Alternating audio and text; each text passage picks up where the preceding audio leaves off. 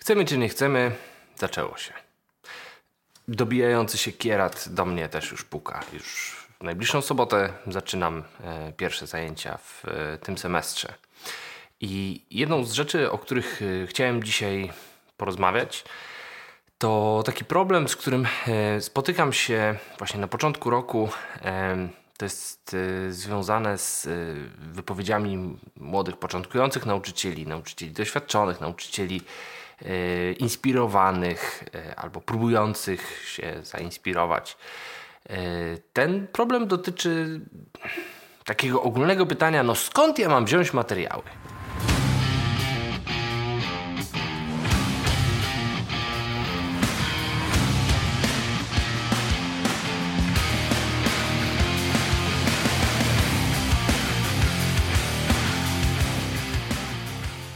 Poruszam ten temat dlatego, że właściwie od początku mojej pracy edukacyjnej starałem się pracować bez materiałów. I y, szybko tłumaczę dlaczego. Kiedyś myślałem, że y, jeśli ktoś pracuje z materiałami, to znaczy, że y, nie ma pomysłu. Mm, kiedyś tak myślałem i jakby część tego myślenia dalej ze mną jest. Natomiast y, problem jest trochę inny, bo kiedy zaczynałem, uważałem, że każdy jest w stanie sam usiąść wieczorem z komputerem i wytworzyć sobie y, albo pomoce naukowe, albo pomysł, scenariusz na zajęcia itd. Tak y, Im dłużej uczyłem, tym bardziej okazywało się, że zajęcia, na które przychodziłem ze scenariuszem, nie przebiegają zgodnie ze scenariuszem, a nawet najlepiej wymyślony scenariusz nie jest wymyślony we wspólnocie. To znaczy nie jest wymyślony dla tych ludzi, którzy będą ze mną w sali, tylko jest wymyślony dla wyobrażenia o tych ludziach, które mam w swojej głowie. Zatem jest to pewnego rodzaju proces e, bajkowy albo proces takiej twórczej, opartej o fakty fikcji. Myślę sobie, że dla wielu osób początek roku to czas y, takiego dość szybkiego i hmm, masowego poszukiwania materiałów do pracy z młodymi ludźmi. E, natomiast ja bym chciał powiedzieć przede wszystkim, że głównym źródłem tego, o czym powinniśmy mówić i tego, jak powinniśmy o tym mówić i tego, jakie materiały powinny się w naszych zajęciach pojawić, są ci ludzie, którzy tam przychodzą na te zajęcie. Bo oni wiedzą. W sensie, nie, nie wiedzą. Ale to w nich jest to, czego potrzebują. I problem polega na tym, że y, jeśli ktoś, tak jak ja na początku swojej drogi, y, myślałem sobie, no dobra, zapytam ich. Y, no i pyta ich. to ci, którzy pytają młodych ludzi o to, czego oczekują, jakie, co by chcieli, odbijają się od ściany. Y, słyszą, że no, żeby zajęcia były łatwe, żeby kolokwium było proste, y, żeby nie było zadań domowych, y, co tak naprawdę jest żadną informacją. W związku z tym, żeby się dogrzebać do tego, co tam jest, warto tych młodych ludzi posłuchać. To znaczy nie zapytać ich co i oczekiwać listy, tylko raczej poprosić ich o historię, o opowieść o czymś. To może być opowieść o wakacjach. To może być opowieść o czymś, co, na co poświęcili ostatnio więcej niż 15 minut. E, opowieść o czymś, co e, opowiedzieli ostatnio komuś i ten ktoś też był tym zainteresowany. Bo to są takie tropy, które pozwolą nam dojść do tych miejsc e, w funkcjonowaniu młodych ludzi, które są dla nich faktycznie interesujące i które faktycznie się w jakiś sposób sprawdziły. To nie wcale nie, nie chodzi o to, żeby y, robić zajęcia o dinozaurach, bo kogoś tam te dinozaury zainteresowały. Natomiast chodzi o to, że gdzieś w tym jest y, trop do tego, w jaki sposób mówić. E, jaki rodzaj opowiadania historii o dinozaurach można przenieść i opowiedzieć w ten sposób y, historię o czymś, czego akurat uczymy, na przykład o procesach poznawczych, albo o matematyce, albo o zasadach gry w siatkówkę. Mówię o tym, dlatego że młodzi ludzie bardzo często są wykluczani z tego procesu tworzenia treści do zajęć. Z drugiej strony wiem, że y, są pewne rzeczy, które wynikają z kanonu i muszą się pojawić. I to są rzeczy, o których y, warto powiedzieć i zaanonsować je na początku. To znaczy powiedzieć, że w trakcie tych zajęć, w trakcie tego semestru, w trakcie pierwszego miesiąca będziemy rozmawiali o tym, o tym i o tym. Jak chcecie o tym porozmawiać? Co Was w tym interesuje i tak dalej.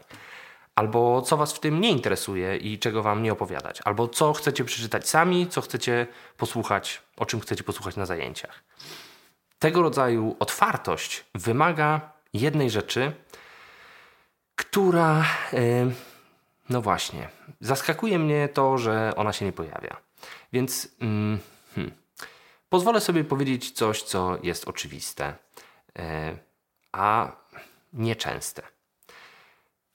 Osoby, które uczą się od kogoś albo z kimś, jest ktoś liderem tego procesu, powiedzmy. Ten ktoś musi być znany. I ten ktoś musi być znany yy, wszystkim tym, którzy są w sali i wszystkim tym, którzy akurat są w pracy, w domu i w różnych innych miejscach, czyli rodzicom, czy tam środowisku tych, tych młodych ludzi. Yy, to znaczy, że trzeba powiedzieć dzień dobry trzeba się przedstawić. I absolutnie nie liczyć na to, że yy, ktoś nas zna. My mamy być znani, ale to nie polega na tym, że y, jesteśmy popularni albo rozpoznawalni, tylko y, jesteśmy znani, bo daliśmy się poznać. W związku z tym te pierwsze zajęcia, ten pierwszy miesiąc to jest świetny czas na to, żeby dać się poznać. Bo łatwiej nam mówić o oczekiwaniach, łatwiej nam mówić o sobie i o swoich potrzebach komuś, kogo znamy. Dużo trudniej jest to zrobić osobie, która jest kompletnie obca. Można tak zrobić wtedy, kiedy ta osoba potem już nie będzie uczestniczyć e, w, tym procesie. Na przykład y, komuś, kto y, ma nam tylko doradzić, jakie przedmioty wybrać, albo określić, jaką strategią uczenia będzie nam najłatwiej ofikać ten semestr. Więc warto jest, aby zanim zaczniemy wymagać od młodych ludzi, żeby zaczęli mówić o swoich potrzebach, czyli o czymś, co jest prywatne i o czymś, co jest osobiste, warto jest się przedstawić. I warto jest przedstawić się i tym uczącym się, i y, ludziom, którzy organizują im warunki do tego uczenia się. Moi uczący się są raczej samodzielni. Mm, nie przekraczam tej granicy, nie dzwonię do rodziców moich studentów i nie przedstawiam się. Natomiast wydaje mi się, że przed studiami, mm, nawet w maturalnych klasach, to dobra praktyka, żeby być znanym, żeby być przewidywalnym, i żeby y, stworzyć taką sytuację, w której można mówić o swoich potrzebach, y, no bo wiadomo, do kogo się mówi. Warto jest też opowiedzieć o swoich potrzebach, bo to nie jest tak, że, że my nie mamy potrzeb. Natomiast y, nasze potrzeby zwykle mają służyć do tego, żeby stworzyć warunki do uczenia się. Mm. Myślę sobie też, że e, organizowanie mm, materiałów i treści e, powinno polegać na pewnego rodzaju diagnozie.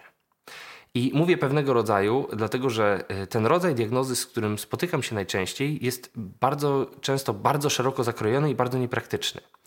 To znaczy, jak mówię diagnoza, to nie mam na myśli ankieta. I absolutnie nie mam na myśli ankieta wypełniana online. Diagnoza polega na tym, że ja słucham i słyszę. E, narzędziem diagnostycznym nauczyciela, e, ale i, i psychologa, i pracownika socjalnego, i, i, i policjanta, i tak dalej. Narzędziem diagnostycznym jest właśnie ta osoba. To znaczy, dla nauczyciela narzędziem diagnostycznym jest ten nauczyciel. To, co widzi, to, co słyszy, to, co czuje, to, co czuje, podkreślam, to, co czuje, jest informacją diagnostyczną. I bardzo często mamy te informacje, docierają one do nas, natomiast nie zamieniamy ich na dane, które da się analizować. To znaczy, nie robimy notatek, mm, nie robimy, nie wiem, map, wykresów itd. Tak Bez tego e, diagnoza jest y, bardzo powierzchowna i y, nie da się wracać do tych rzeczy, które zdiagnozowaliśmy podczas pierwszego spotkania. To znaczy, Zapytałem na przykład podczas y, godziny do dyspozycji wychowawcy moich y, uczących się, jak tam wasze wakacje. No i większość osób opowiadała o wyjazdach. Trzy osoby się nie odezwały. Nie było to dla mnie problemem, zadanie nie było obowiązkowe. E, I ja to wiem. I ja to pamiętam przez pierwszy, drugi, trzeci tydzień. Natomiast może być tak, że trzeba będzie do tego wrócić w listopadzie, na początku grudnia. I ja już nie będę tego miał w pamięci, no bo po co? Pamięć nie jest przechowalnią wszystkiego, tylko pamięć jest miejscem, w którym y, znajdują się te rzeczy, do których y, nasz układ poznawczy uważa, że będzie wracać. Jeżeli od września do początku grudnia do czegoś nie wracaliśmy, no to po co to trzymać? I słusznie, i słusznie. Nie trzeba tego trzymać w pamięci, ale warto to trzymać na papierze, w notatce, w, komputerze, choć jednak na papierze wydaje mi się, że jest to bardziej osobiste e, i praktyczne. E, więc tego rodzaju notatki sporządzane z dnia na dzień, zajmujące 30 sekund, e, sporządzane jeszcze zanim młodzi wyjdą z klasy.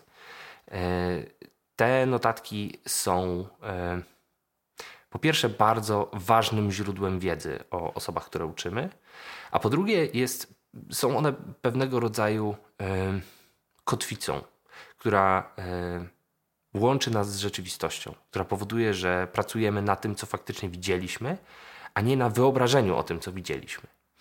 E, więc, co jest najlepszym źródłem materiałów? Najlepszym źródłem materiałów jest te 10 do 30 osób, które są z nami w sali wtedy, kiedy zaczynamy zajęcia. E, bo to w nich jest informacja o ich potrzebach. Żeby te potrzeby ujawnić, żeby o nich rozmawiać, trzeba być osobą znaną i przewidywalną. Znaną nie znaczy popularną. Znaną to znaczy taką, która dała się poznać. I w końcu te rzeczy, które dostajemy, te informacje o potrzebach, te informacje o zainteresowaniach, te informacje o czymkolwiek innym, trzeba potraktować poważnie. Na tyle poważnie, żeby je zapisać. Nie zapamiętać, tylko zapisać. I wracać do tych zapisków wtedy, kiedy myślimy o tym, co im opowiemy to powoduje, że jesteśmy skontaktowani z rzeczywistością, która jest u nas w klasie, a nie z naszym wyobrażeniem o tym, co w tej klasie jest. I w końcu myślę sobie, że mm, posługiwanie się e, gotowym materiałem e, ma dużą zaletę. I tak jak hejtowałem to i trochę hejtuję do dziś, ale jest jedna rzecz, na którą chcę zwrócić uwagę. Czasem jest tak, że dużo łatwiej jest zdemolować i przerobić coś, co istnieje, niż zacząć od początku.